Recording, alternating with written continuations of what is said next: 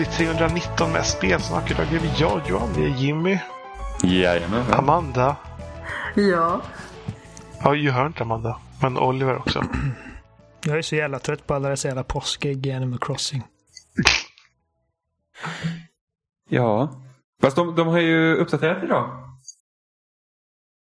De har uppdaterat idag. Jag vet inte vad det innehåller, men jag får fortfarande påskägg. Men jag har fått uppdatera Jo, men- de senaste dagarna, typ varje dag. Typ, tror jag. Ja, betydligt mindre påskägg än, vad man var tidigare. Alltså det var helt sjukt. För första april det var så här, åh vad nice, det är cherry blossoms i alla träd och allt är så jättefint. Ska gå och fiska och så bara ägg, ägg, ägg, skrot, ägg. Jag bara, vad är det här? Jag jag, ägg. jag får bara ägg på mellanfiskarna, näst största fiskarna. Så jag har fått ägg på alla Nej, ja, storlekar. det är möjligt att jag kanske har fått ägg på de andra, men jag vet att när jag har liksom specifikt tagit de här uh, mellanfiskarna så har jag alltid fått Ja, ägg. det är jobbigt som fan. Jag tycker inte riktigt att jag har fått så jättemycket ägg när jag har fiskat. Däremot blir jag jättefrustrerad när jag ska gå runt och typ hugga träd och lite sånt. Och så helt plötsligt kommer så här ägg, ägg. Okej, där fick jag ett litet träslag. Vad härligt.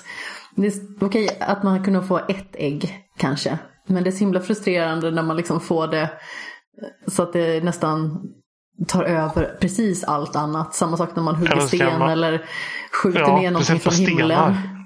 Man är så begränsad med stenar och så hugger man på stenen och så får man typ stenar och ägg. Istället för att få typ järn. Ja, eller få typ så här tre stycken ägg. Så får man en sten och så lera. Men, men, alltså ett problem med de här eventen är det att tidigare så har det varit, alltså Bunny Day var en dag. Och nu har de ju ändrat om så att du har ju Bunny Day 12 dagar istället. Så att eh, det, det blir liksom så att jag vet inte om de liksom räknar med för det har jag också läst att vissa säger att det är inte meningen att så många ska sitta hemma och liksom plöja Animal Crossing utan det är gjort liksom kanske för att du ska komma, ja men du kör lite på morgonen, du kan köra lite på eftermiddagen. Men nu är det liksom, folk sitter i karantän, folk har inte så mycket att göra så då liksom märks det mycket mer. Det blir ju så himla överdådigt på något vis. När man sitter så pass mycket som man kan göra. När man men dels inte färdas någon vart. Och vissa jobbar ju kanske inte ens. Det är ju väldigt sorgligt i den här tiden att det är väldigt många som har blivit både permitterade och blivit av med jobben. Så det känns ju som att det är någon viss dysterhet som man kanske kan lite grann måla över med Animal Crossing på något sätt. Mm. Jag tror ju också att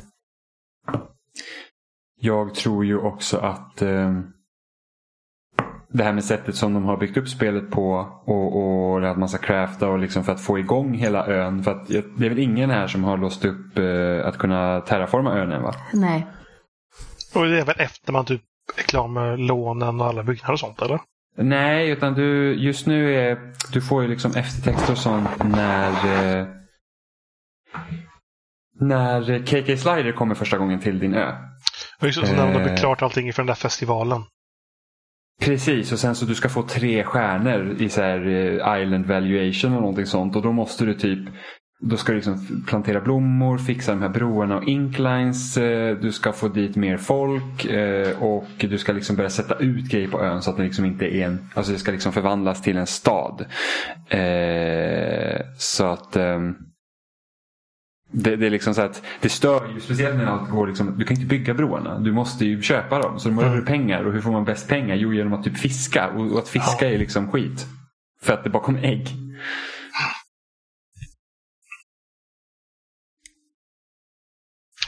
Ja, det... Här blir ner tyst. Ja, vi fick, vi fick. Nej, jag, jag, jag, alltså hela den här ägggrejen, den får mig verkligen, det gör mig osugen på spelet. Jag spelar mycket mindre nu än vad jag, än vad jag gjorde innan den här skiten började. För jag var men vi för- jättepepp på att hitta liksom nya fiskar och grejer. Jag får bara upp massa jävla ägg och då blir det bara alltså skjut mig. Jag blir liksom förbannad när man får upp ett jävla ägg. Ja. Uh, kom ett nytt efterlängtat spel förra fredagen. Det var fredags va? Ja, det var det. Eller har vi någonting annat att lägga till om Animal Crossing just nu? Nej, alltså det enda jag känner med Animal Crossing det är det att Nintendo visar i alla fall att de är snabba på att uppdatera spelet. För jag tror det har kommit typ tre patcher den senaste veckan. Ja, och det känns som att det varit väldigt mycket allmänna klagomål kring de här förbannade äggen. Så det är ju skönt i alla fall att de tar någon form av aktion och minimerar, eller i alla fall reducerar lite grann. Så att inte folk liksom bygger upp mer och mer irritation, utan att de faktiskt agerar på det och gör någonting åt det. Det är ju bara till deras fördel. Och det kommer ju göra att folk kommer vilja hålla fast i spelet längre. Och dessutom har de lärt sig något nytt då inför kommande säsonger, eller vad man ska säga. Eller när det händer nya saker i spelet, att man kanske behöver hålla en viss nivå på något vis. Att man inte kan bombardera med ägg, eller vad det nu är. Sen alla äggrejer är så jävla fula. Och de är fruktansvärda. Ja, asfula. Men jag vet inte, Ja. det hade varit en sak om det var åh, jag behöver de här äggen för att bygga den här awesome jävla möbeln. Men allting är verkligen grisfult. Så det är, alltså, de här äggen har inget värde för mig.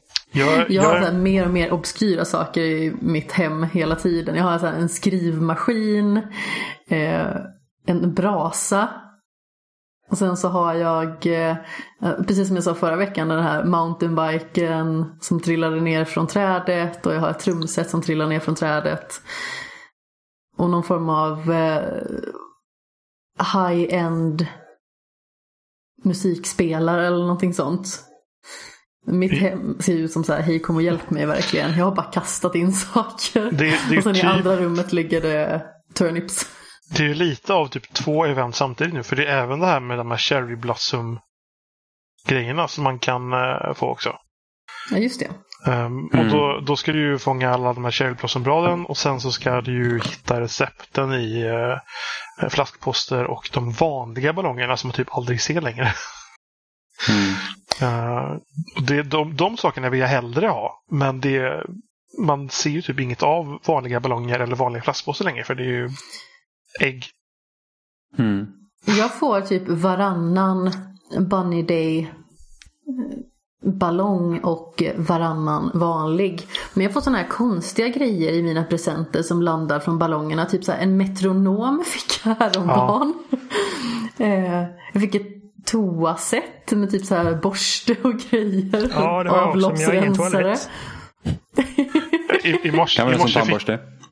I morse fick jag en sovsäck av ballongen. Sen så kom min eh, träningsgalne alligator eller krokodil eller vad han är och bara liksom här, hitta den i mitt hus, du kan få den av mig. Och så var det en till sovsäck. Ja, det, Alltså jag fick ju ett, Två. ett Bunny Day-recept av en bybo. Alltså den bybon låg fan brun till då. Alltså den saken är säker. Det var liksom bara såhär get out. Jag bara såhär, jag föll som det jävla ägget och så kommer du hit här och liksom såhär, jag, jag känner mig förolämpad. Jag, jag, jag har jag hängt ska upp alla fina, hus. Jag har så jävla mycket ägg nu så jag kan fan överskölja det där jävla huset med med ägg. jag har ju hängt upp alla de här Bunny Day-kläderna fint på väggen och grejer. Jag orkar inte bygga och hålla på med... Nej usch. Men Alltså, apropå byborna. Så jag håller ju på att bli tokig på den här förbannade apan. Han springer ju hela tiden efter mig. Jag vill bara så här hugga sten i fred.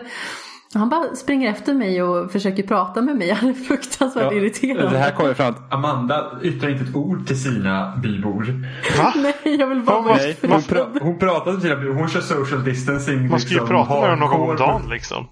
Jag vet, ge hon vägrar. Så jävla apan är ju överdrivet social och springer efter. Bara, Amanda, Amanda, jag vill bara fiska, låt mig vara. Ja, Kolla vad dum han är och så springer han efter och jag tycker synd om apan.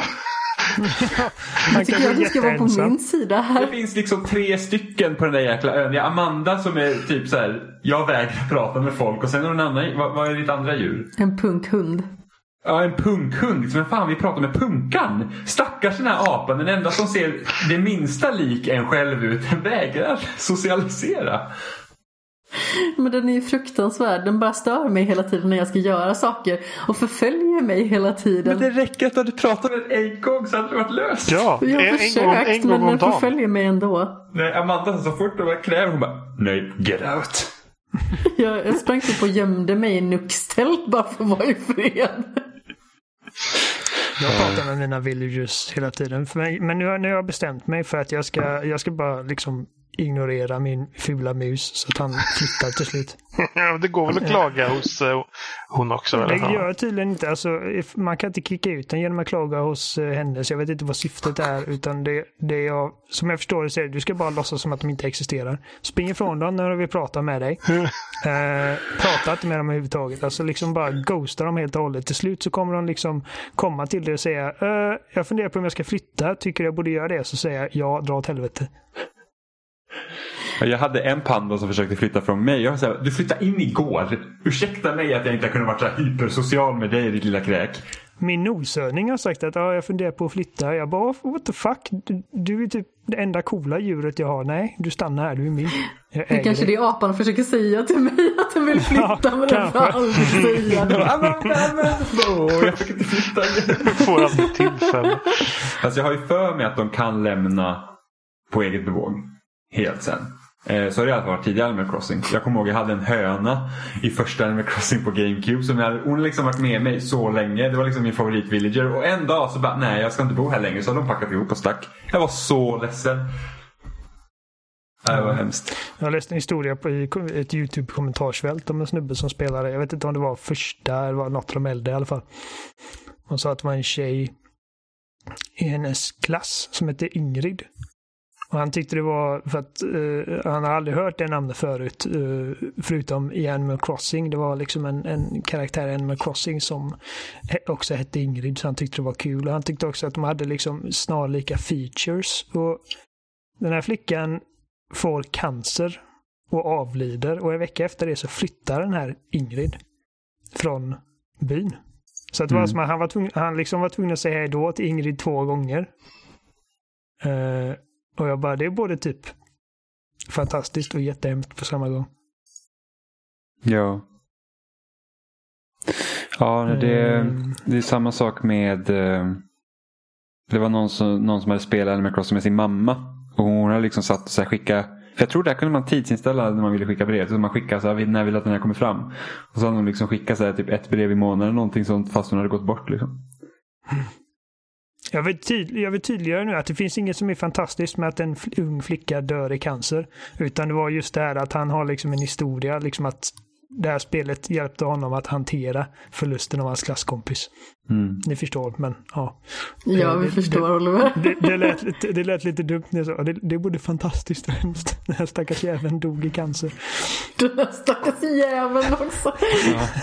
En mindre på den här planeten att sprida corona. Jävla ägg. Alltså jag sitter och spelar samtidigt här nu. Al- Alltså jag, jag har fått, nu har jag, har fiskat. Jag har fått liksom det, sex snapp nu de sista minuterna. Jag har fått två däck på rad. Två ägg. Och så två seabass. Alltså Seabass, fy fan. Det låter som att du har en så här fruktansvärd trio på gång. Liksom. Det här spelet Däck, vill att jag ägg, liksom bara avinstallerar. och- Eller ja, nu behöver man inte avinstallera på Switch men ni förstår vad jag menar. Man kan avinstallera på Switch. Eh, Om du har det digitalt. Det har jag inte.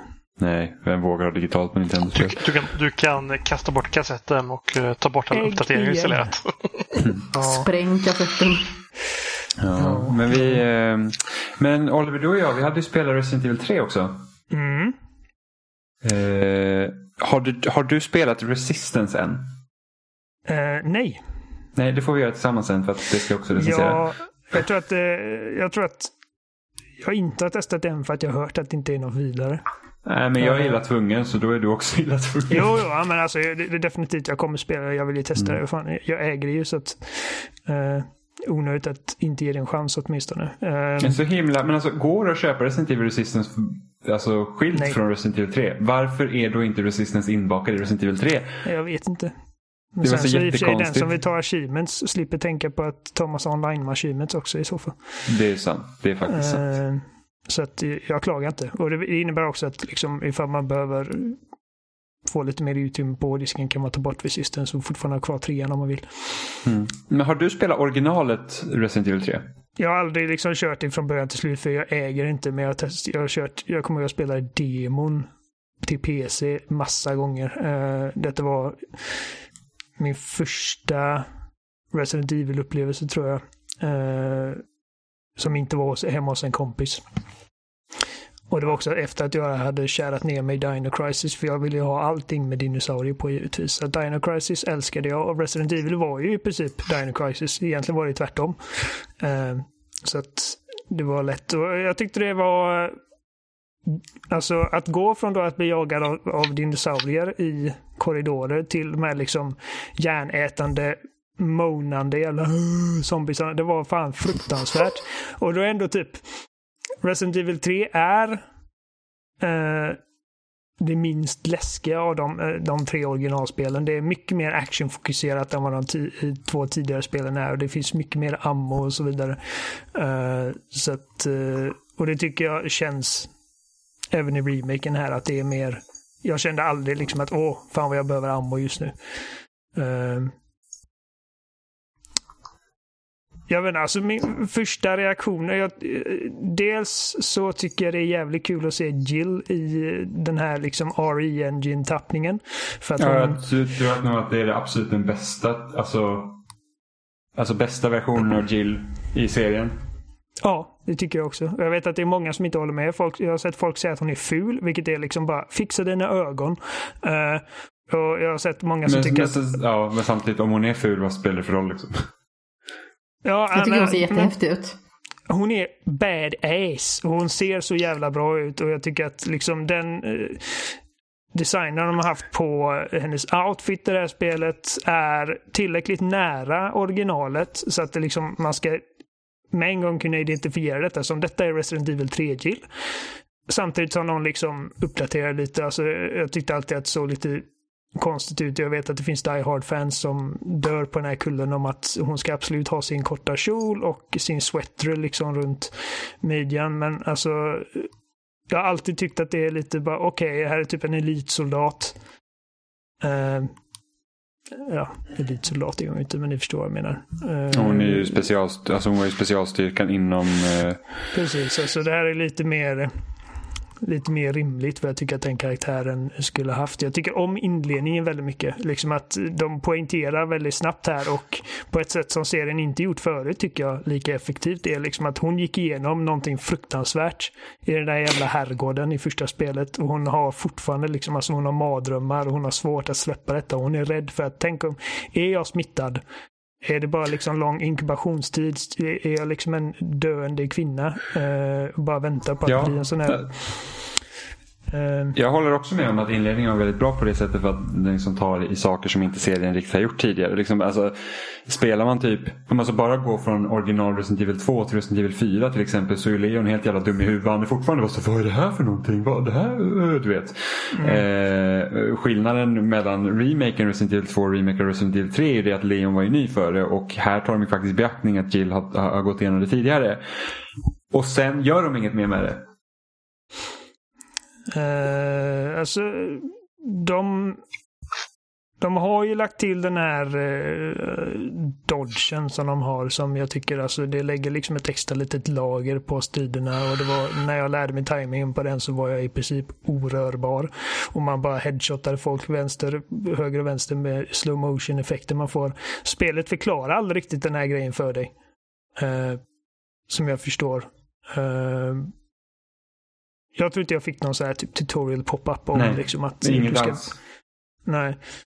Men eh, den, det är liksom den grejen har lagt till som jag känner ändå förstärker liksom att det här är någon som har varit med om det här förut och är mer bekväm. Eller ja. Mm. Men alltså, jag, jag, tänk, jag tänker ju mer storymässigt att, att inledningen eh, pekar på någonting annat som sen inte egentligen görs någonting mer. Om inte det ska typ vara så här foreshadowing att vad som kanske händer senare. Men det är liksom i det här spelet så att hennes liksom så här bara liksom funderingar kring liksom och reflektioner över det här det liksom glöms lite bort. För jag tycker att det här spelet, är, alltså speciellt jämfört med Resident Evil 2, remaken, är att det är lite tunt. Ärligt talat. Det är faktiskt inte alls lika bra som Resident Evil 2 skulle jag säga. Nej, och, det är liksom, och, och de har ju liksom, alltså grejer som de gjorde i Resident Evil 2, det har de liksom tagit bort. Som hela den här dismemberment-grejen finns ju inte kvar.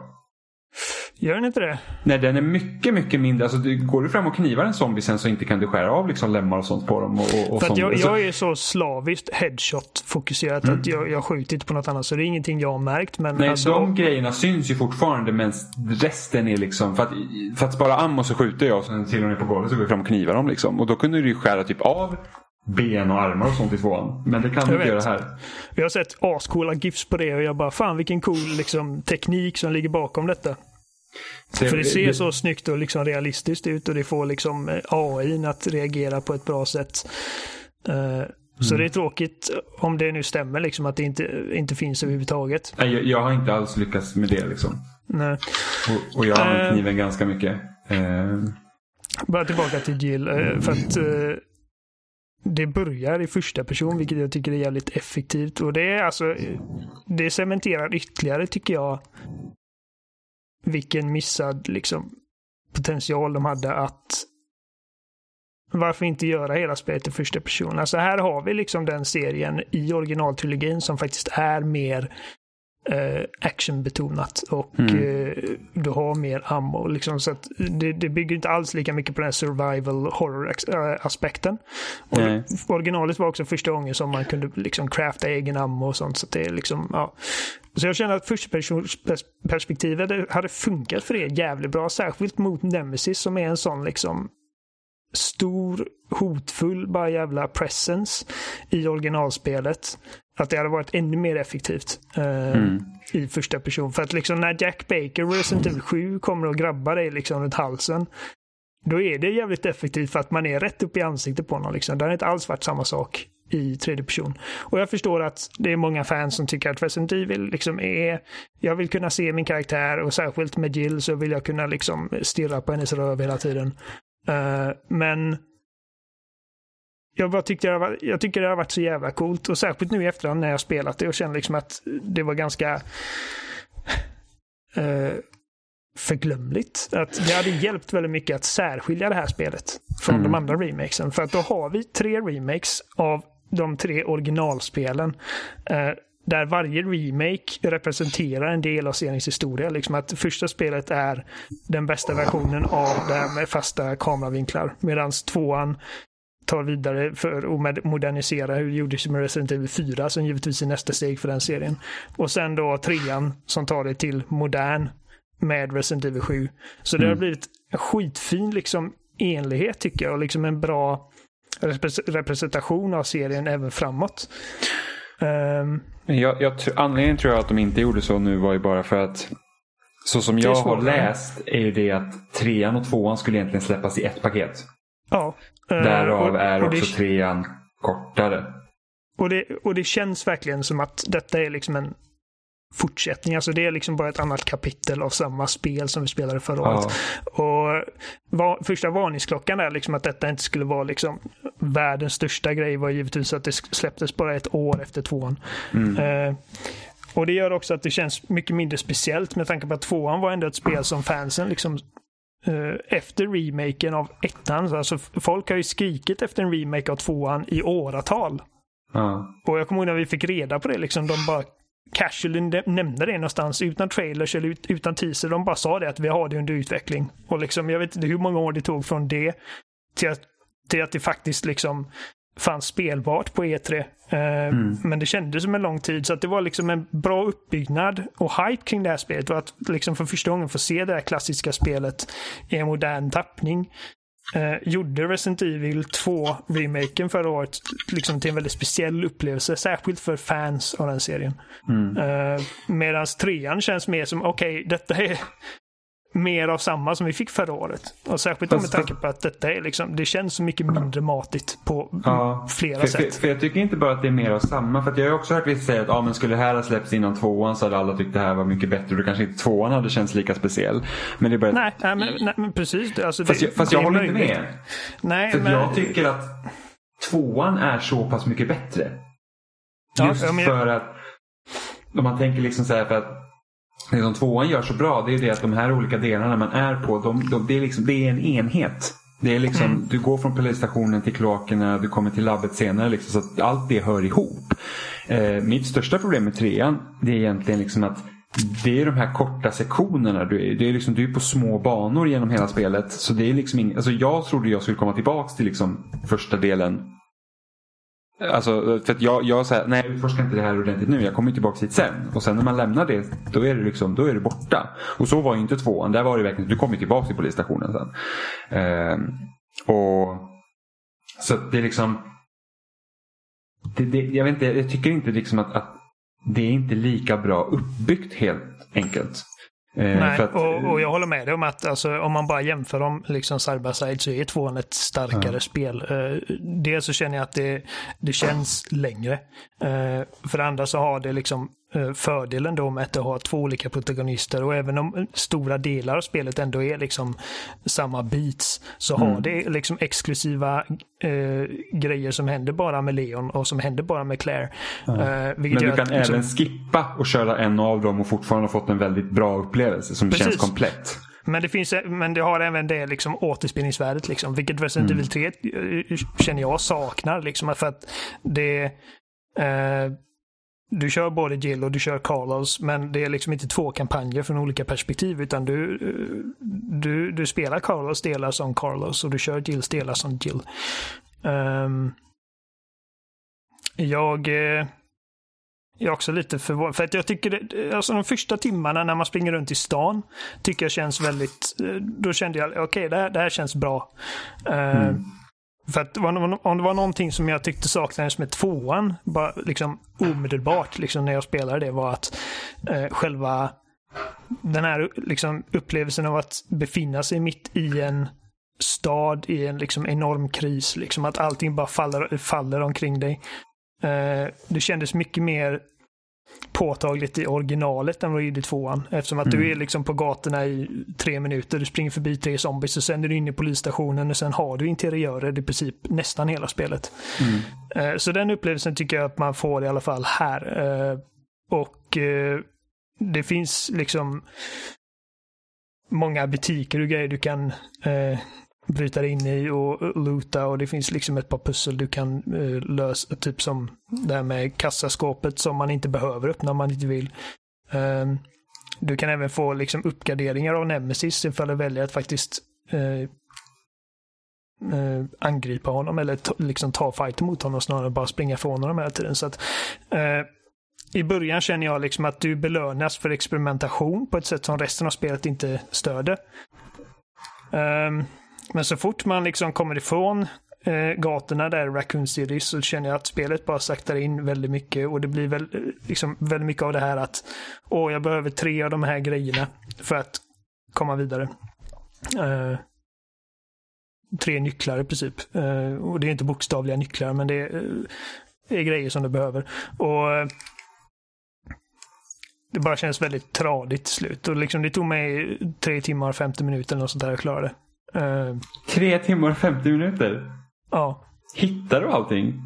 Eh, nej, det gjorde jag inte. Alltså, Nej. jag, jag, det var något kassaskåp där i sjukhuset som jag inte lyckades öppna. Men det var inte det att jag skyndade mig igenom. Eh, jag tycker liksom att jag upp, utforskade ungefär Alltså, som jag tog, göra. jag, jag körde i sex timmar. Ja, okej. ja. Men, men jag, utfor, alltså jag missade ett lås och det var i Raccoon City-delen. Ja. För att jag trodde att man skulle komma tillbaka dit och jag ville inte gå runt med Nemesis. För att jag tycker att Nemesis är rätt så dåligt inkorporerad i det här spelet. Speciellt om man jämför med Mr X. Mm. Eh, alltså, Nemesis känns ju lite som en liksom missad möjlighet här. Eh, Mm. och Jag tycker att det är många grejer som de har liksom tappat lite med spelet. Dels så fanns det ju Uh, i originalet så hade du för första gången i den seriens historia så här branching paths så att säga. Att liksom att du vid nyckelhändelser i storyn så fick du valet att antingen liksom gå dit eller gå dit eller stanna och slåss eller springa härifrån. I originalet så i slutändan påverkar det inte så jävla mycket. Uh, men jag känner att det hade varit en uh, det är en perfekt möjlighet liksom att fläska på lite sådana... Eh, en, något sånt system och göra spelet mer eh, ska man säga, mer eh, ge det mer omspelningsvärde. Eh, det finns det liksom eh, många typ, eh, klocktornet i originalet var inte ens med i spelet. Nej, jag har hört att det är mycket som ska liksom också vara bortklippt. Jag har inte spelat original så jag har liksom inte att jämföra med här. Nej, menar, det är sådana här små grejer typ som man, liksom, man kunde göra eh, förstärkt ammo förut och det fanns mycket mer kostymer och grejer. Sånt, eh, det fanns någon mind launcher också. Uh, Sådana här små grejer som jag känner att det gör ingenting men ehm, det här med, eh, alltså som jag förstår det så ska Barry Burton ha varit med i Resident Evil 3 och han är inte med i spelet. Eh, mm. Jag, jag, hade nog, jag hade nog sett nästan att de hade gjort liksom att, att, att de hade bundit ihop Raccoon City lite så att du inte åker liksom så att du faktiskt går till de här ställena. Så att, nästan lite som typ Silent Hill-aktigt egentligen.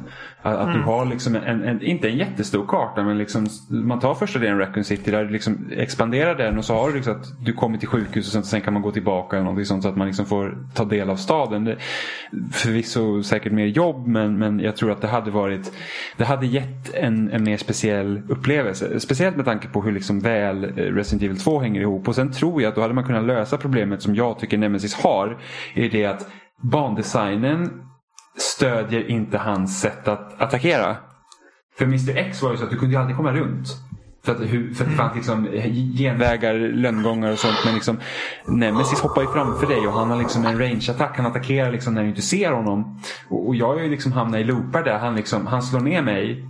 Och sen så, så fort Jill ställer sig upp så slår han ner mig igen. Jag, kan liksom, jag får inte ens tid att röra karaktären. För att jag har inte kontrollen över henne. Och så dör jag. ja. Och det har hänt mig så många gånger. Och, liksom det är så här, och speciellt den här jävla skumma dodgen som finns. Det blir, liksom bara så här, det blir mer frustrerande. Och jag känner mig liksom aldrig frustrerad med Mr X. Jag var livrädd för Mr X. Ja. Men jag är inte livrädd för Nemesis. Jag tycker bara att han är jobbig.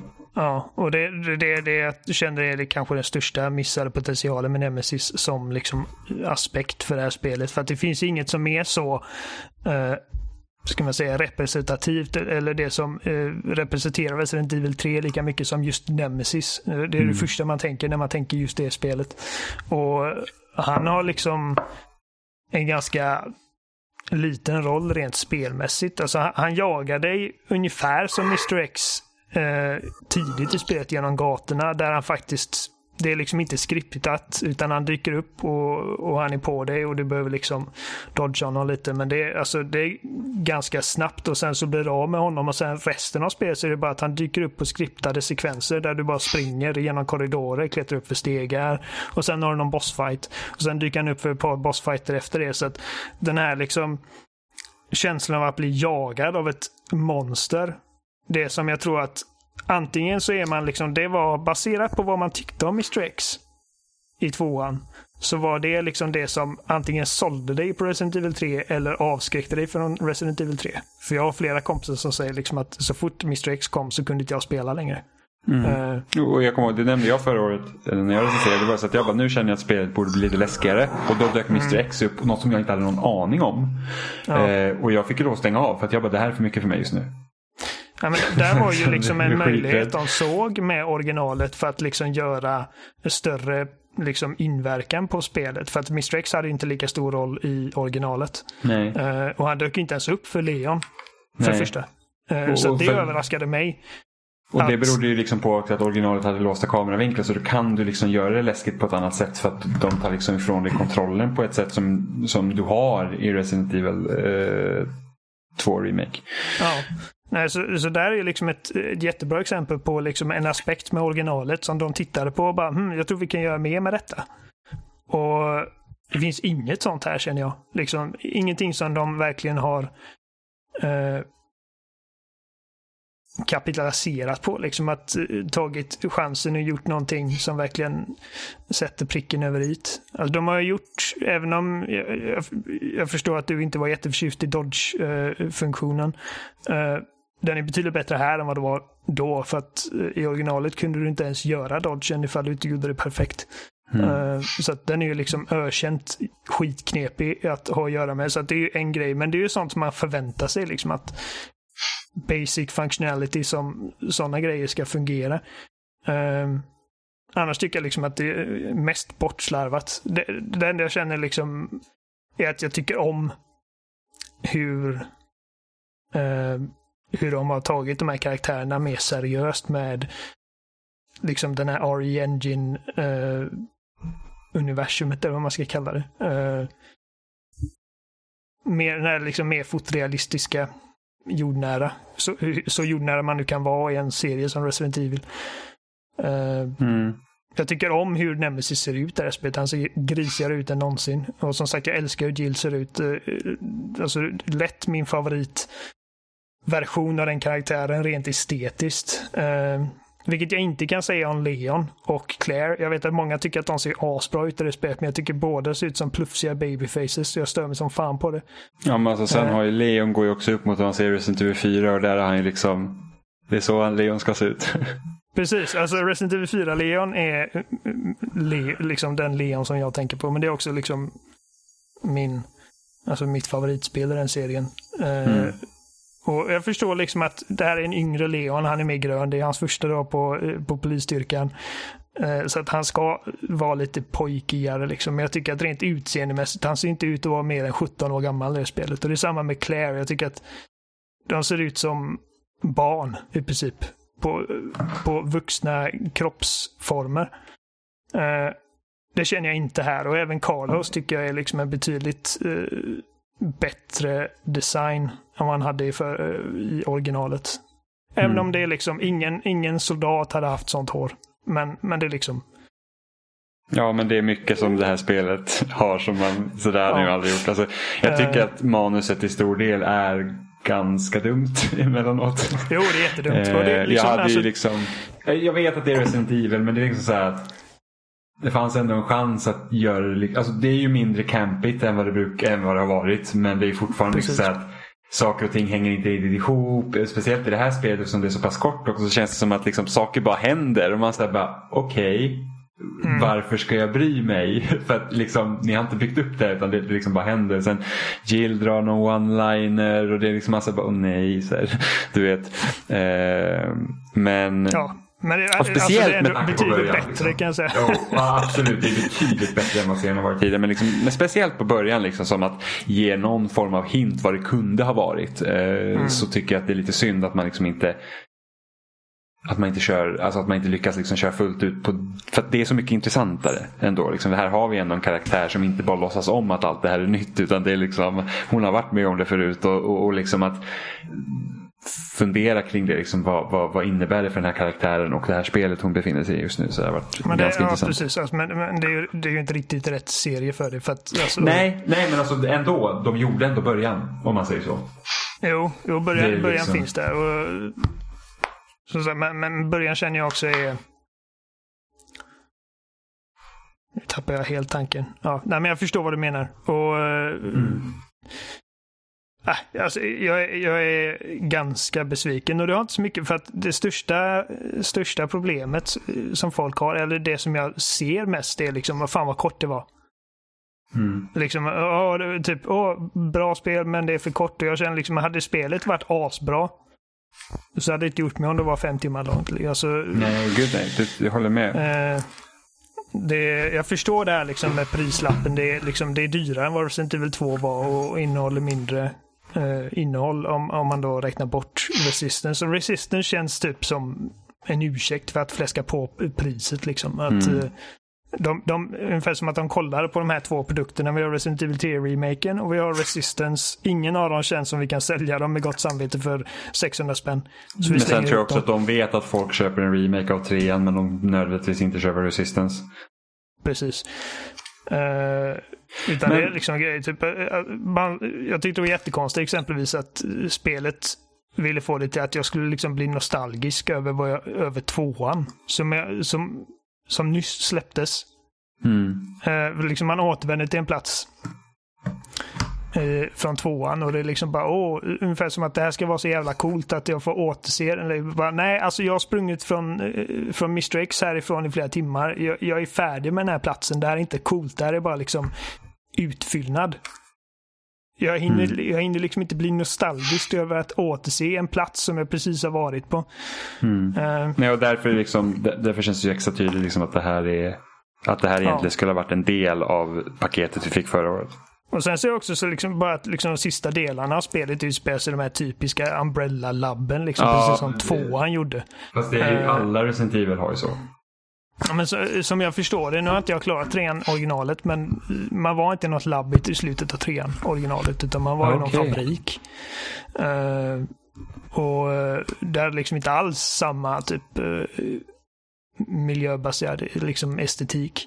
Så att det är lite förbry- förbryllande liksom att men, mm, ja, jag vet inte. De hade väl assets. Mm. Och det känns men, lite som en asset flip. Ja, men, men vart går man härifrån? Om vi säger nu att de fortsätter med remakes. Alltså om man säger så att, för de har ju ändå ett, en, en katalog. Jag vet att folk pratar om att de skulle vilja att de ska göra en remake på Resident Evil 4. Ja, jag känner, alltså... De, det finns väl typ, vad heter det då? Code Veronica finns något spel också. Code Veronica och, sen, finns. och sen finns Resident Evil Zero finns ju. Och det roliga är att alltså, jag tror inte att något av de här spelen kommer hända. I alla fall inte än på ett bra tag. För Nej. Det tror inte jag heller. Det är väl att nästa Men- år men- kommer det förmodligen ett nytt Resident Evil i Sevo. Ja, Resident Evil 8 har det ju droppat några rykten om och det ska liksom vara mer psykologisk skräck. Ja, det ska vara typ varulvar och skit. Alltså, det där är jag lite nervös för. För jag tycker att de har gjort sånt jävla bra jobb med liksom inriktningen för den här serien. Eh, och att liksom kasta ut det så snart, ungefär som att det är Sonic the Hedgehog. Att man bara, åh, Generations var bra, nu gör vi aldrig om det.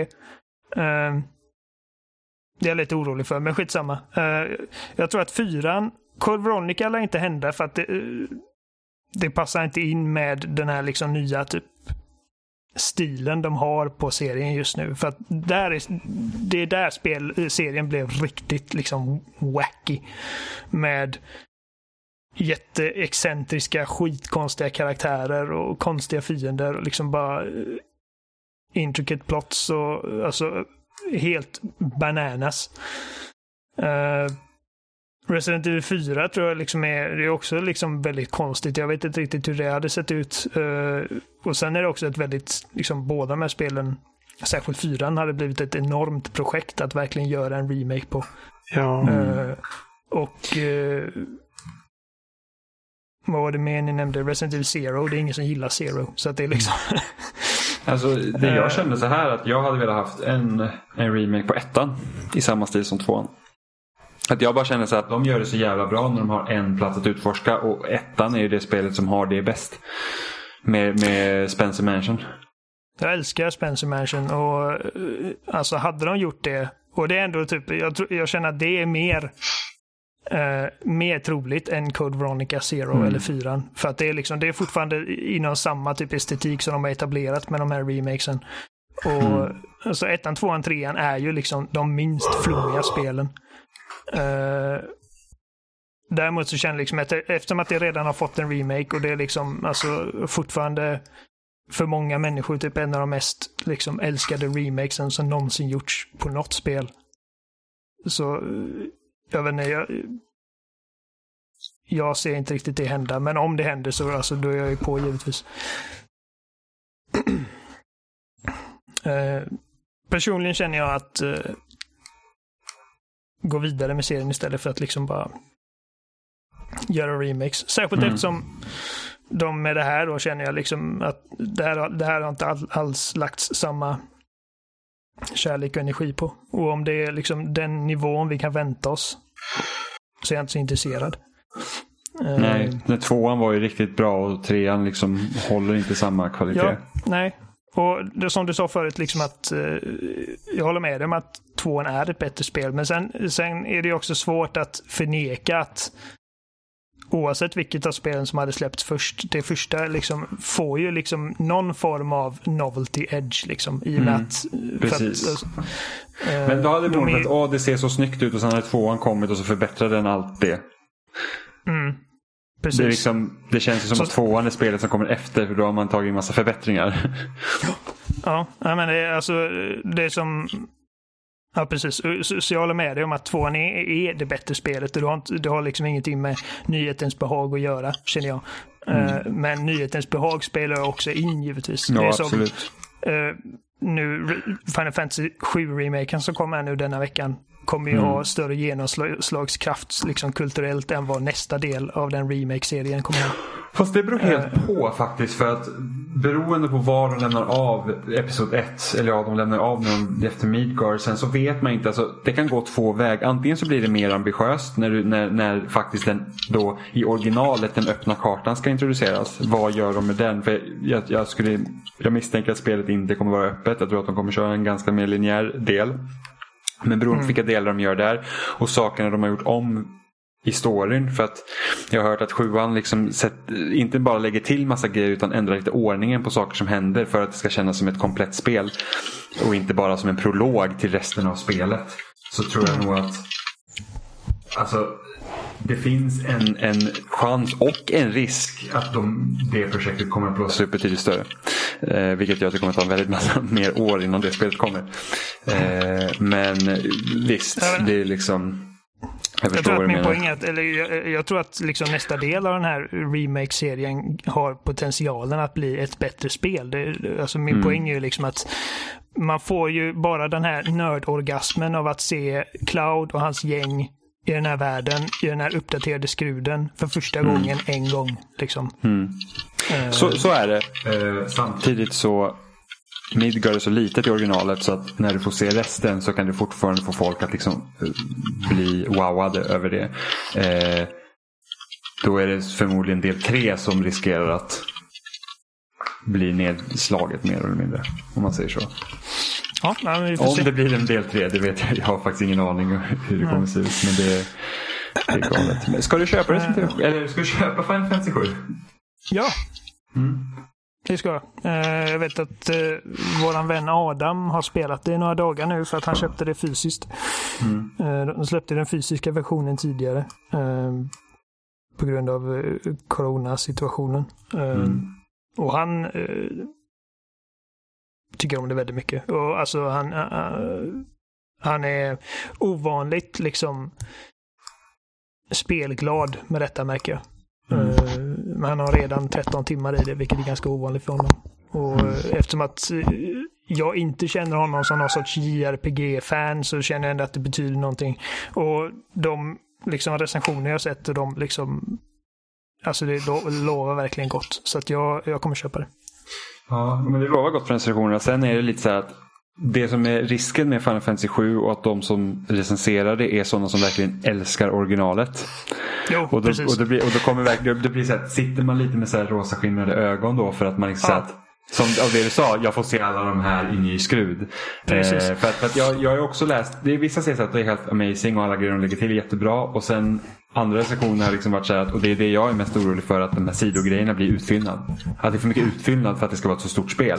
Då blir det så mm. att då hade liksom, den kunnat göra ett JRPG på 20 timmar med bara kvalitativa grejer istället för att fylla ut det så att det blir 40. Men som sagt, jag har inte spelat det så jag vet ju inte hur det faktiskt kommer vara. Eh, och jag kommer också spela det. Eh, för att, alltså, eh, eh du, du tar upp en bra poäng. För att, alltså, jag, jag hade inte lyssnat så mycket på de här recensionerna. För att många av dem är liksom, oh, Final Fantasy 7 är typ mitt favoritspel någonsin. Liksom.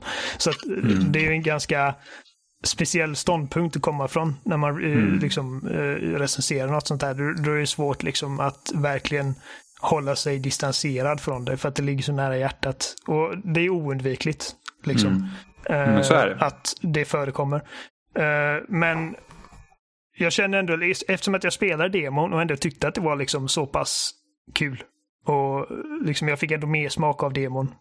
Det, liksom min egen upplevelse eh, kombinerat med liksom vad de här människorna säger eh, gör liksom att jag, jag kommer att skaffa det. Mm. Um, ja, nej men det ska bli spännande. Det tycker jag också. Framförallt så känner jag ju så här att när jag spelade originalet så var Midgar en sån här del som var, jag tyckte den var så otroligt trög att ta sig ur. Jag kom knappt ut liksom med håret i behåll. Jag tyckte att den var väldigt seg. Den delen. Mm. Så det ska bli intressant att se om de har gjort men tillräckligt med intressanta saker med det för att man ska kunna se det på ett helt annorlunda vis. Och jag tycker Midgard är bästa delen i spelet. Ja, det kan man jag tycka. Jag hade typ varit nöjd. Och, alltså när jag spelade det i somras så var det verkligen så att men Midgard, liksom, det, det, spelet hade kunnat utfor, alltså, utspela sig där. Punkt. Liksom. Vad kul för det ska, bli kul, det ska bli kul att se liksom, vad vi känner tillsammans senare när vi alla spelat. För att jag, eh, ni, Jimmy, du har ju spelat originalet. Mm. Eh, Amanda, det låter som att du har spelat originalet också. Ja, inte hela. Nej, eh, jag har inte spelat något av det.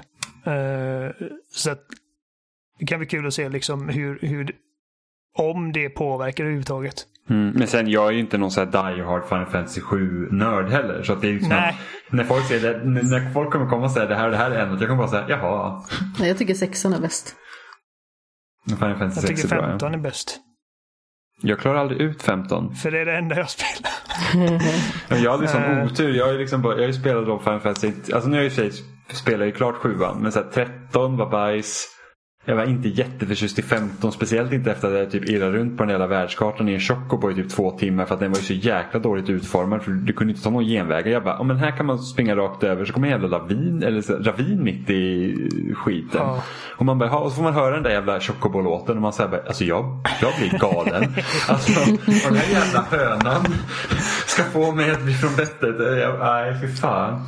Sen så fyran är väldigt trevligt också, men det känns ganska så gammaldags idag.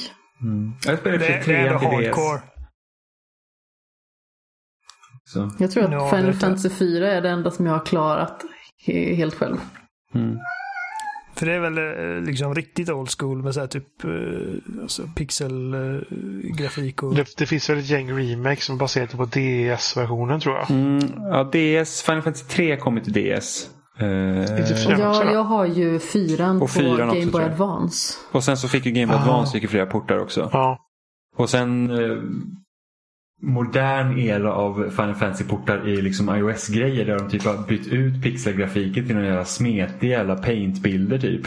Det är nog Så för att de har massa, massa filter på allting. Typ. Ja, och det ser ju för jävligt ut. Det är typ, jag tror när de var, släppte, kan det ha varit när de släppte Chrono Trigger på Steam tror jag. Och det var liksom helt typ förstört så de typ bad om ursäkt. och bara så här, vi ska fixa så man kan typ välja om man vill köra med typ gammal grafik. Alltså bästa del är eh, portningen av Chrono Trigger är ju DS-versionen också. Alla fans bara, nu får ni gå upp på ert rum. ja, men lite så. Bejaka vad ni har gjort. Jag, jag säger ju att uh, Final Fantasy 15 är bäst bara för att det är typ det enda jag faktiskt spelat själv. Eh, Mm. jag, jag har ju massa problem med det, så jag skulle inte säga att det är ett jättebra spel. Eh, så jag hoppas att detta blir liksom min första liksom genomgående positiva Final Fantasy-upplevelse. Mm. Ja, men av demot av döma så såg det liksom bra ut. Även om typ Barretts Ja. röst får en att typ vilja borra sig ner i kudden. Ja, men det är fortfarande liksom ett japanskt rollspel, så att Mm. man får förvänta sig. Ja men saker borde dubbas i Europa. Alltså dubbningen på Xenoblade Chronicles var skitbra. För det ska ju inte släppas i USA. Men i, i, i eh, Europa tog man in det då och då dubbades det ju här. Eller ja, inte i Sverige då, men Europa då. Eh, och då fick man brittiska skådespelare och som inte lät som bajs. Så att, så att bara en sån sak gjorde det ju mycket, mycket, mycket bättre. Mm. Nej, jag tycker inte att... Eh, jag vet att det inte det är inte det du menar. Jag tycker inte att eh, rösterna lät bajs i demot. Det är, alltså, det, det är, liksom, det är lite bajsnördigt, men det, Ja. det känns ändå liksom välproducerat. Men majoriteten är bra Ja. i demot. Eh, Det är, liksom, och- det är över förväntan. Men det kunde ju ha varit bättre. Mm. Och jag, jag kände liksom för att alltså, för mig går ju allting med turbaserade strider, det går ju fet bort. Så att Alltså jag hade inte spelat den här re- remaken om det inte vore för att det var liksom lite mer hands-on i, i dess combat. Men jag tycker ändå att de fick liksom en ganska bra eh, typ, vad ska man kalla det? Eh, hybrid av det här liksom taktiska, sakta ner tiden och liksom kolla vad du har runt omkring dig, välj dina attacker. Samtidigt som man faktiskt är full kontroll över sina gubbar. Mm. Så eh, det tyckte jag kändes bra.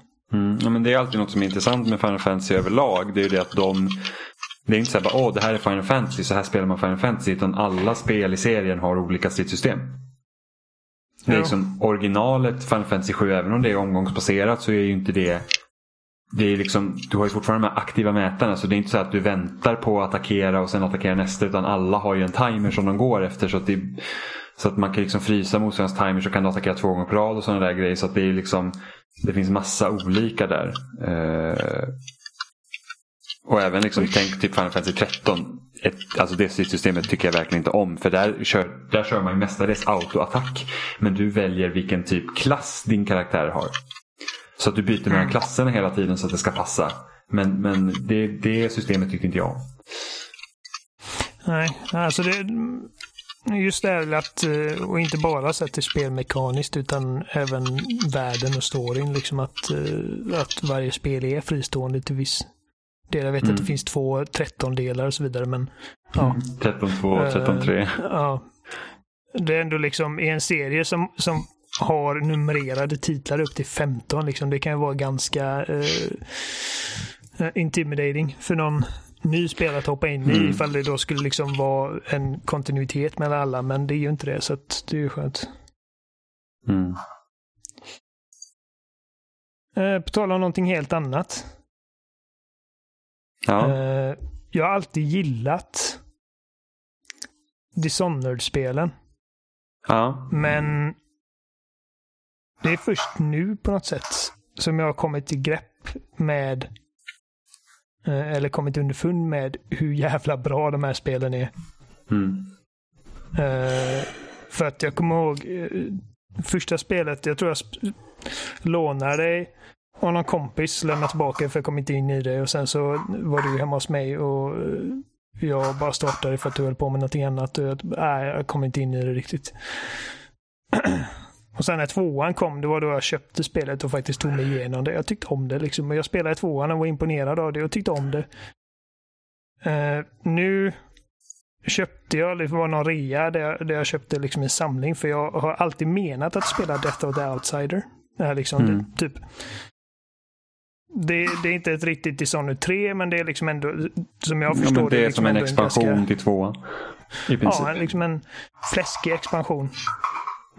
Eh, så nu hade de liksom rea och jag bara, vad fan, jag köper hela serien på Xbox och så började jag liksom började spela första spelet och tog mig igenom det ganska snabbt. Jag bara, fan vad bra det här spelet är. Så nu, nu är jag på tvåan och bara, alltså detta är alltså ett riktigt stealth-mästerverk.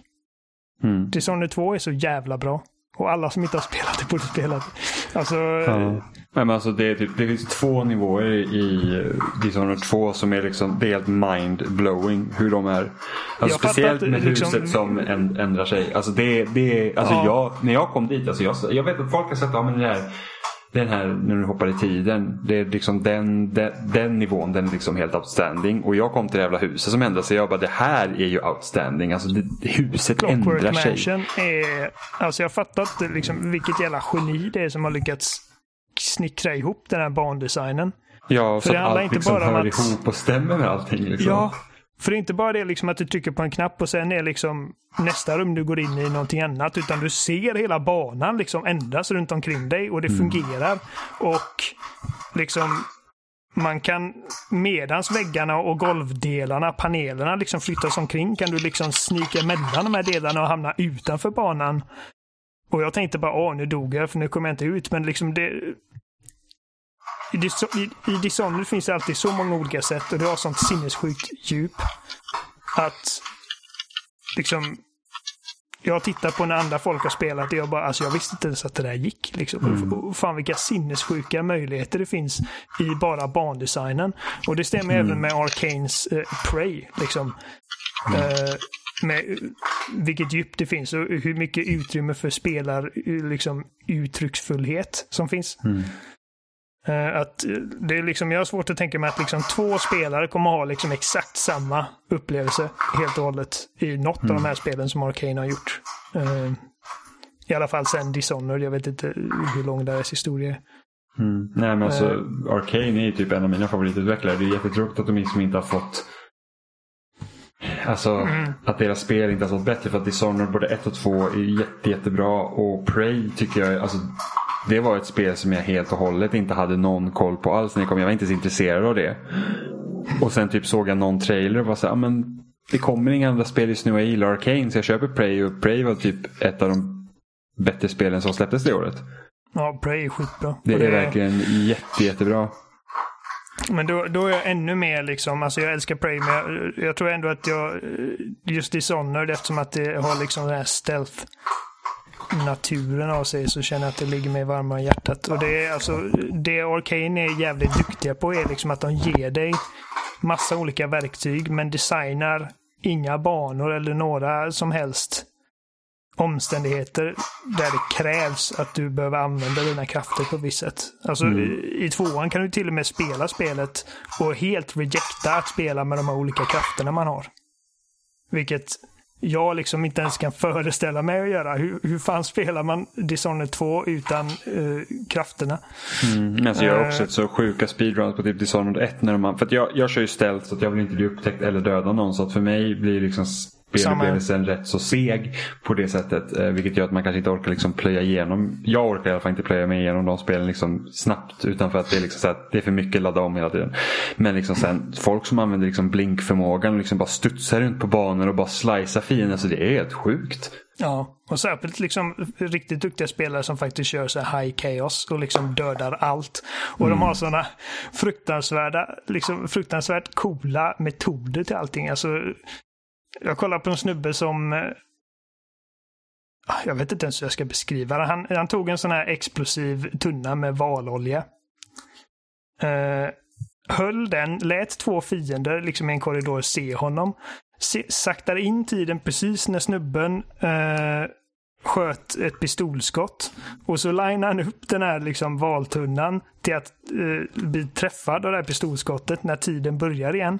Och så tar han över kroppen på den här snubben som sköt och liksom ställer sig precis vid den här valoljetanken och sen när han startar tiden igen så bara allting bara sprängs, alla fiender dör.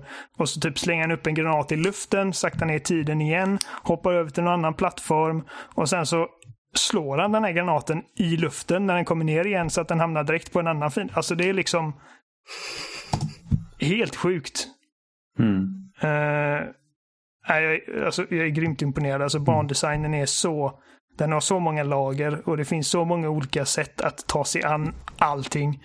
Och Ja, alltså det, det, är ett tungt spel. Som sagt, det tog mig tre liksom, försök att faktiskt komma in i spelet. För att det, man blir lätt, i alla fall, jag är en sån som lätt blir överväldigad av många möjligheter. Liksom. Att, mm. eh, många gånger så vill jag bara liksom, ha en fokuserad upplevelse där, där jag vet vad jag ska göra. Typ Doom Eternal är typ bästa exemplet. Du, du spelar det på ett sätt och du blir bättre på det. Medan Dishonored är liksom bara, här är en sandlåda du har oändliga möjligheter. Det finns liksom inga begränsningar på din kreativitet. Mm. Och Jag såg en intervju med Harvey Smith eh, som, som är liksom en höjdare på Arcane. Alltså liksom att vi designar de här eh, krafterna till att liksom Alltså det vi vill se är liksom att spelare använder de här på sätt som vi inte ens hade kunnat föreställa oss. Och, och han säger liksom att det har hänt att och vi har inte ens tänkt på det. För att Emily exempelvis, hon har en kraft som gör att man kan liksom länka ihop upp till fyra fiender. Mm. Så att vad som än händer till en, med en av de här fienderna så, så händer det med alla. Så exempelvis man länkar ihop fyra fiender och så sätter man en sleep dart i en av dem och alla somnar samtidigt. Uh, och så berättar Harvey Smith att han såg någon spelare som hade liksom väldigt lite med resurser och kom liksom i kontakt med ett rum med, med många liksom högrankade fiender som han inte riktigt kände sig bekväm med att ta sig an. Så han länkade ihop de här och sen använde han en annan kraft som Emily har, att man skapar liksom en, en kopia av sig själv som drar uppmärksamhet till sig, liksom som en decoy. Och så länkar han ihop de här fienderna med sin egen decoy. Och så dödar han sin decoy och alla dog. liksom. Mm. Det var hur coolt som helst. Alltså, Dishonored 2 äger ettan också, givetvis. Men mm. särskilt Dishonored 2. Det ska bli kul att se vad de gör härnäst. De har ju Deathloop under eh, utveckling som de visade förra året på E3 tror jag. Vad heter det sa du? Deathloop. Just det, fan det har jag ju helt glömt av. Så att då får man se vad det blir mm. av det. Ja, alltså ja. det som jag skrev till dig liksom häromdagen, att det är en perfekt värld där Arcane fått göra ett Bioshock-spel. För att det känns som den perfekta studion att göra ett Bioshock-spel. Ja, i princip. Prey är ju i princip ett Bioshock-spel. Ja, men det var ju det som var själva eh, säljargumenten i stort sett i reklam och så. Att det var eh, Bioshock i rymden. Ja, men typ. Uh, den här liksom immersive sim-grejen uh, Deathloop, ja precis. Ja, det är alltså, fan vilken bra studio. Ja. Kanske ändå rätt så bra att det börjar bli som en återkomst av lite linjärare spel. Folk verkar börja bli trötta på att göra öppna världar i all oändlighet. Mm. Alltså, eh, jag förstår vad du menar även om jag tvekar liksom lite med att säga att Prey eller Arcane, eller vad säger jag, Dishonored, det är linjära spel. Ja, nej, men nu pratar Eh. inte jag om Dishonored. Nu tänker jag mer nu tänkte jag Deathloop för det ska vara något action adventure-spel. Ja, okej, ja. Eh, remakesen på eh, Resident Evil är ju liksom mer linjära också. Att det är inte det här det Ja, men det, alltså, det känns som, det går ju i vågor liksom, Mm. som vi har sagt. Alltså, och eh, countless andra människor har sagt liksom att det var, det var en tid där korridorshooten var liksom det heta. Och de Mm. liksom bara dödade den genren genom att bara liksom köra på på göra, göra så många spel med den mallen. Mm. Och den här generationen har varit liksom open world. Stora, enorma, öppna ytor med Till ingen typ nytta. ingenting Ja. att göra i dem. Eh, och, och det är därför det känns, alltså det är så befriande liksom att spela någonting som Dishonored nu. Eh, där du har liksom ändå inte till ytan inte jättestora banor. Liksom alltså 200 meter i Dishonored känns jävligt stort för att det finns så många lager i det och det finns så mycket grejer att göra med den terrängen och med fienderna och dina liksom resurser. Att det liksom du kan uträtta mer på liksom en kvadratkilometer i ett spel som Dishonored än vad du kan göra på 500 kvadratmil i ett Just Cause eller whatever. Mm. Men sen där har de ju också, där är hela banan lekplatsen. Medan som man tänker typ ett Ubisoft Open World så har du liksom, här har du ditt lilla lägercamp. Med hus Ja. för hus på typ fem meter liksom. Så att det, det, det är liksom, de utnyttjar inte hela hela kartan för det ändamålet utan det finns små liksom pölar av saker att göra. Eh, Medan Dishonored är verkligen så här, här har du kartan. Det här är Mm. den banan du har liksom till ditt förfogande. Det här är ditt verktyg. Så då, är, då, då, liksom, då, då ser du till att du kan använda hela. Och så är ju inte ett Och- open world-spel. Och en, en briljant grej med Dishonoreds banor är också att du inte har en karta. Liksom. Alltså du, du vet inte... Eh, som sagt, du kan liksom inte göra som i Resident Evil, att du trycker upp kartan. Alltså nu gillar jag kartan i Resident Evil-remakesen. Eh, för att den är väldigt informativ. Eh, men där är liksom att om du är i ett rum och du inte riktigt vet, eh, är jag klar här? Så trycker du på back-knappen och så får du upp en karta. Och ifall, ifall rummet du är, är blått så vet du att okej, jag är klar i det här rummet. Du har inget sånt i Dishonored utan eh, du tvingas i princip liksom att utforska och känna dig fram lite. Eh, och ta det som det kommer. Mm. Lära känna banorna liksom baserat på erfarenhet snarare än hur det ser ut på en overhead blueprint. Mm. Jag är så jävla dålig på att hitta på banor. Alltså. Det, är, alltså, det, är helt, alltså, det är fruktansvärt. Alltså, det är därför typ när man liksom spelar när de senaste spelen man har spelat med en karta det tar tid att få upp menyn. Det stör mig något så enormt för att jag kollar i kartan hela tiden. Men typ Ori. vad var Ori? Jag bara Precis. Det tar eh, typ så här tre sekunder att få upp kartan. Ja, Och det, är eller liksom, det kontroll. låter inte mycket. Men men det blir mycket för att där är liksom man kollar kartan hela tiden. Ja. Fast Controls karta tyckte inte jag var så himla illa. Jag, däremot eh, Det var ju Star Wars jätteilla. Var fruktansvärt. Men alltså kontroll, det tog ju typ fem sekunder innan den ens liksom laddade in kartan. Ja, men det, det kan jag absolut köpa. Kartan i sig hade inga problem. men Däremot har jag jätteproblem med Star Wars-kartan för att den var så horribel. Så man satt ju där och Jag bara... fattar inte.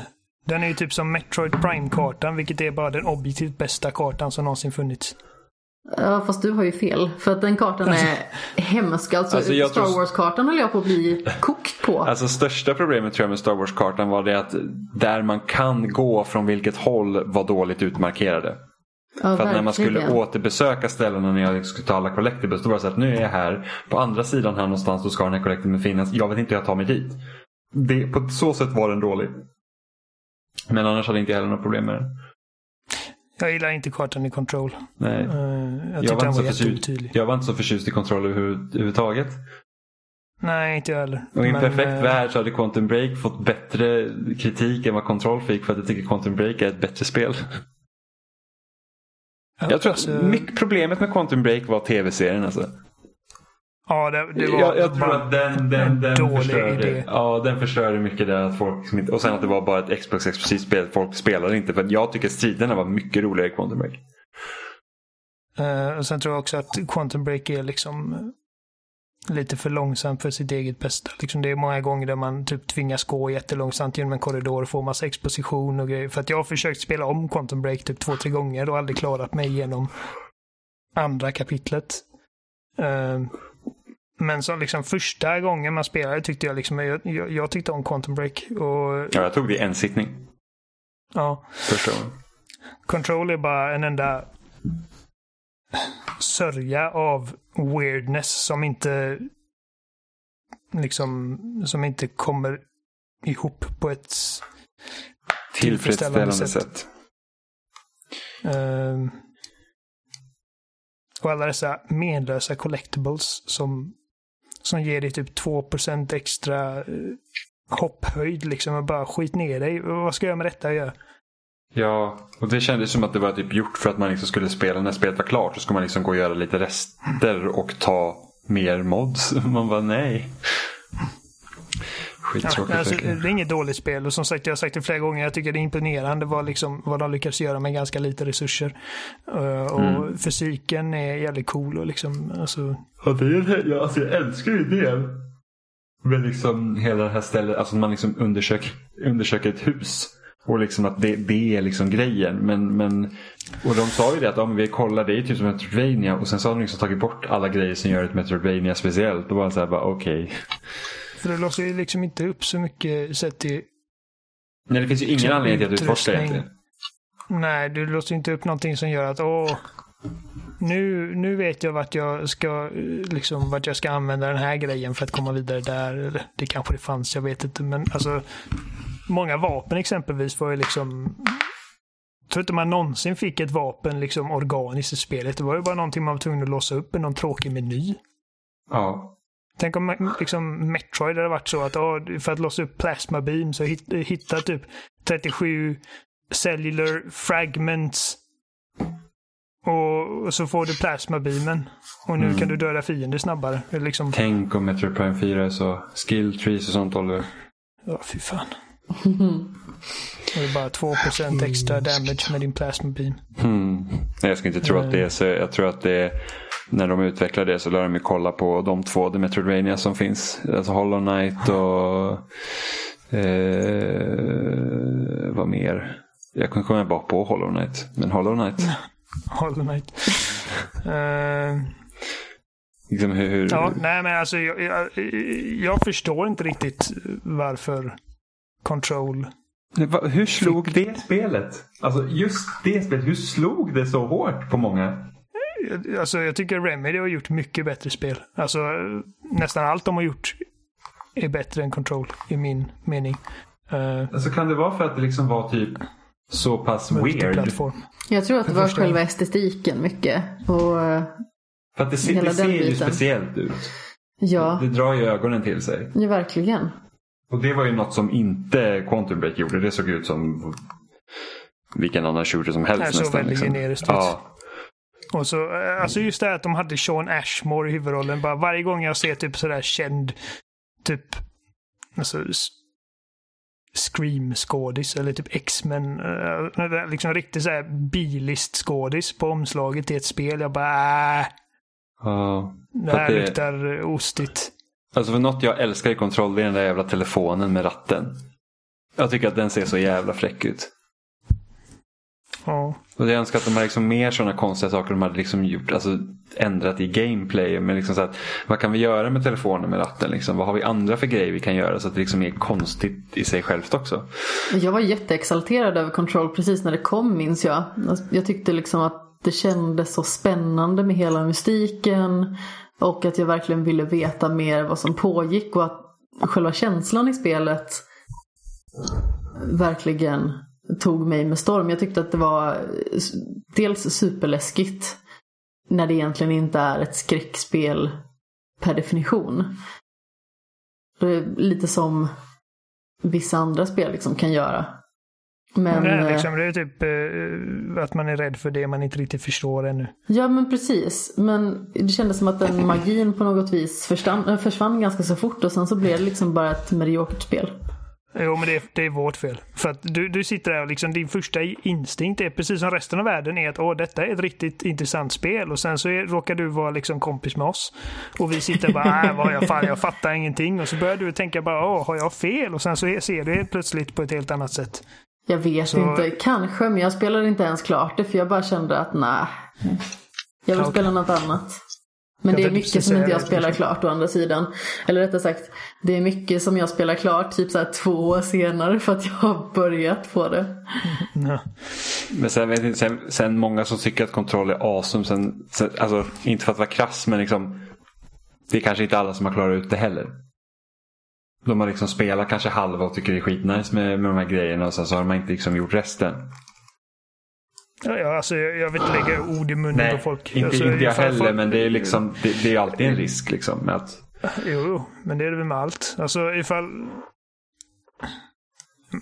Det, det är ju det här typ... Åh, jag sätter 10 av 10 på Mario Sunshine efter att ha spelat halva spelet. Det är liksom... Ja, jag håller med. Det är liksom... Ja, nej, alltså, det är alltid en risk, men jag tycker alltså, folk ska, inte- ska inte behöva liksom försvara sina åsikter. Det är bara, nej. jag, bara, jag förstår bara inte. För att nej, precis. Det är det. Jag förstår inte heller. det är typ första gången sedan Max Payne 2 som Remedy liksom verkligen fått den här sortens typ eh, genomslagskraft. Liksom att folk verkligen har snackat om det. Eh, men- för men att sen- både Alan Wake och Quantum Break har ju varit liksom att det har varit lite, ah, jag vet inte, det, jag gillar detta och detta men inte detta. Men sen tror jag kanske också lite vilken, vilken, vilken vinkel man kommer in från spelen. För att jag tror att alla vi här var i alla fall att åh det är Remedy, fan vad nice att få en riktigt nice story. Medan många andra kanske bara säger jag spelar för gameplayets skull. Och då blir det så här att då, då blir ju inte riktigt det vad man för att det var jag ju mest besviken på. Vi planerade att göra spoilercast på kontroll. För det är klart man kan göra spoilercast på det. Ja, precis. Vi gjorde ju spoilercast på... Remedy-spel. Ja, vi gjorde ju spoilercast på Quantum Break också. Och sen så bara säga att det tar aldrig fart. Och jag, så Nej, och kul alltså- är det inte att spela så att man liksom bara säger Nej. Det är roligare att spela än vad Alan Wake är, men Alan Wake Ja. har liksom allt annat som Control inte har. Alltså, Jag kommer aldrig glömma liksom- när Alan Wake i början när man ska springa över bron. Man blir jagad av en jävla tornado och fucking gubben orkar inte springa över bron i Ja, ett han svep. tröttnar på att springa Och man var efter nej. Det tänkte jag också på när jag spelade Resident Evil 3. Hade jag blivit jagad av Nemesis, då hade jag fan sprungit mycket snabbare än vad Jill kan springa. Ja, och, och när man dodgar flera gånger i rad har man fan slängt sig på marken och inte bara såhär. ja. Ja, men det är liksom, de, bara, de, de joggar i princip. Det är, Ja. all- Antingen så går du långsamt eller så joggar du. Och jag, jag hade ju sprintat som en idiot. Ja, Liksom. jag, jag hade ju svårt att rita shotgun så vet jag vad jag hade gjort. Skjutit skallen av sig själv. Nej. Ja, men det, är så, ja, men det, det är min plan om det blir zombieapokalyps. Det är så här, det, det är så här, allt jag älskar kommer jag inte kunna göra längre. I mina tv-spel! Ja, men det är så här, all bekvämlighet. Det är bara så här. Typ, första gången någon tar en spade till mig och pekar ut i skogen att jag måste gå och bajsa utomhus och då, då är det kört. det är bara så här, nej. Jag tror faktiskt att du, du har mer willpower än vad, än vad du tror. Det tror jag också. Jag har varit för rädd för att skjuta mig själv. men, men jag förstår menar. Jag har ofta tänkt på det liksom, alltså, när jag ser så här apokalyptiska filmer. Jag bara, vad fan, vad fan slåss de ens för? Djur. Ja. Men det, Liksom var bara, take me sweet death. men det var ju typ så, alltså, när jag var liten första gången en häst skenade med mig när jag körde. Jag var väl åtta år eller något sådär. Och min syrra bara såhär, Jimmy du måste hoppa av vagnen liksom. För att alltså, jag hade liksom ingen kontroll över hästen. Jag bara, nej jag vågar inte. Så jag satt ju med och åkte där medan hästen sprang liksom i mörker genom skogen liksom. För att jag vågade inte hoppa av. Some say he's still in that carriage. Ja, precis. Det gick ju bra, jag fick stopp på hästen till slut men ändå liksom. Hitta Eh. Jimmy i Tyskland någonstans. jag bara, jag vågar inte. Oh, Så nej. kom han hem sen med vagnen fullastad med sprit. Som alla andra. 20 år äldre. Ja? Bas, röst och skägg. I Oh, lived. nej. Nej, men, jag, jag, förstår, jag, jag förstår vad du menar. Alltså, det är så, alltså, liksom, jag tänker ofta det. Alltså, bara, eh, vad fan är meningen? Ja men det är lite så, vad, är- vad är meningen? Jag blir typ såhär, jag läser serietidningar om The Walking Dead och man bara säger fy fan vad mycket slit det är för att ni bara ska kunna leva. Är det inte Bara för att få liksom the basic necessities. Ja men är det inte, är det inte någon zombiesarna som tar ihjäl en så är det någon jävla nöt till människa som har fått jävla massa makt när det är Ja, anarki. Människorna är läskigare. Ja, och då tänker man ändå liksom hur ser vår värld ut med fucking jävla nötten som sitter och bestämmer? Vad fan? Förhoppningsvis hade nötterna dött först. De gör ju inte det. Nötterna dör ju Nej, de gör i och för sig inte det. För att de är typ beväpnade upp till tänderna. Ja men eller hur? Och de är aldrig, alltså, nej fy fan. det, hade, vi hade bara, bara haft massa jävla- campers kvar. Ja men eller hur? Kommer de med sina maga-kepsar Ja. och bara så, making America great again. tio, tio år efter liksom att civilisationen har slutat. De har fortfarande sina Mm. magakepsar. Alltså de första som dör är ju veganerna och, och liberalerna. Liksom de här vapenvägrarna, hippisarna. Typ. Bara döda kapitalismen, de är ju stekta. Mm. Ja, men så är det någon sån liten sorglig jävel som typ arbetar med att typ, jag vet inte, sätta en signatur på kvitton eller något så här meningslöst arbete. Och så, så bara, åh jag får lite makt här. Nu blir jag helt galen. Jag blev mobbad för mina typ leksaker som jag hade när jag var 50 år. Nu jävlar. Nej men liksom det är typ de, det är typ som guvernören i Walking Dead. Det är en riktigt sorglig människa. Liksom, riktigt Ja. sån här typ, riktigt kryp som inte liksom har gjort någonting vettigt i hela sitt liv. Och sen får han liksom känna maktens sötma och bara säga nu ska jag ge igen. Han, han har liten penis. Det är bara alltså, det är bara 100 procent. 100%. Undrar vem, vem av oss som 100% hade, liten. Vem av oss som var då? undrar vem av oss som hade överlevt längst. Jag ska inte säga som har störst penis. Eh, Johan. Jimmy. Nej. Ska jag dö Jimmys först? eh, va? hänger ner till knäskålarna. Nej. I, i slakt tillstånd. Eh, nej men vem, Jag vem, hade, vem, hade, penis. Få en sån här upphängningsanordning. vem hade klarat sig längst i liksom The Walking Dead av oss fyra? Oj. Jag. Eller snarare, vem hade dött först? Det hade nog du gjort Oliver. Tror du, tror du inte jag hade dött först? Jag tror att du hade dött först. Jaha, ja, jag skulle precis säga det. För jag, jag, har inte ens, jag har inte konditionen för att leva ett sån livsstil. Ja, jag hade säkert varit för envis för att dö. Så jag har stått där med min shotgun och bara såhär, fy fan. Jag hade hatat min jävla shotgun. Jag hade, här, varje gång, jag tittar på den där shotgunen så hade jag bara varit så sur på att jag inte kan göra Jag hade du är börjat gå runt och ruska träd. Ja, jag bara säger jag ska. Jag blir så jävla sur. Jag ska vinna över zombiesarna. Ja, du liksom, jag ska bli världens bästa apokalypsöverlevare. Åh, nej, jag vet inte. Jag hade nog... Jag, jag hade säkert haft någon jävla ot. Jag hade inte dött av en zombie. Jag hade dött av någon jävla annat. Typ brutit tån eller någonting sånt som blev En infekterad. kokosnöt. Ja. Alltså det var så himla roligt när jag skulle söka på dödsorsaker för ett tag sedan. Då var det verkligen så här, jag sökte på, jag kommer inte ihåg, det var någon sjukdom och så stod det typ så här. Eh, hur många dör av eh, i, i trafikolyckor per år och sen hur många dör av rökning per år och sen den tredje som kom upp var hur många dör av kokosnötter per år. Ja, det var så men det har ju blivit en sån grej liksom att det är typ det man tar upp när någon säger att jag är rädd för att flyga eller jag är rädd för att simma. Ja men alltså det det är större chans att du dör av en kokosnöt som trillar ner i huvudet på dig än att en haj äter upp dig eller att ett flyg kraschar. Och det, Alltså, jag, ja, jag, nej, jag, men det, hade, det hade sugit att dö av en kokosnöt. Ja, i en så jag kom på, jag hade inte överlevt så länge. Jag, jag behöver insulin. Jag hade dött ganska snabbt ändå. Ja, fy fan. Men, det, Jag vet inte fanken hur jag hade kunnat klara mig också. Alltså jag har ju inget som stoppar mig så sett. Nej, Amanda är en prepper. Du ska se hur det ser ut. Har förnödenheter med min livstid här. Får en bild av mig själv så här, bara gå, gå runt och ruska träd och bara jag har fiskat så himla mycket i Stardew Valley. Det finns inget badrum här. Det är fylld med toarullar. Nej, verkligen inte. Åh gud. Jenny står här bredvid och bara snälla får jag gå på toa? Jag bara vad fan gå på toa? Alltså jag måste bara berätta så Det, himla det är väl roligt dags för oss att runda av i vilket fall tror jag. Johan hör Nej, inte mig går här märker jag.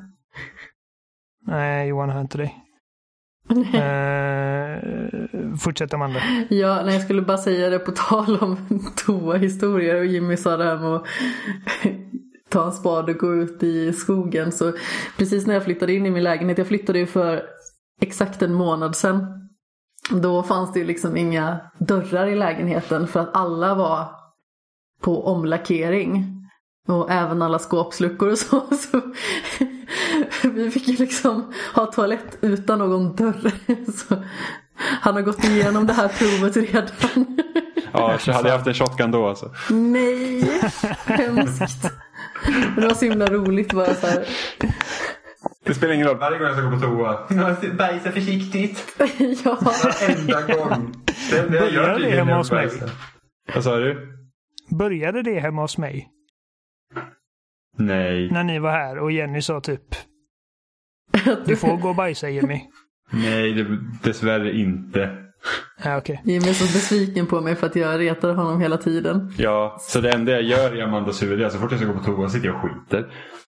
Visar du ditt bajs för eh, Jimmy, Amanda? Nej, det gör jag inte. Det är alltså, man vet det typ när, när, när frugan bara Oliver kom och kolla på mitt bajs.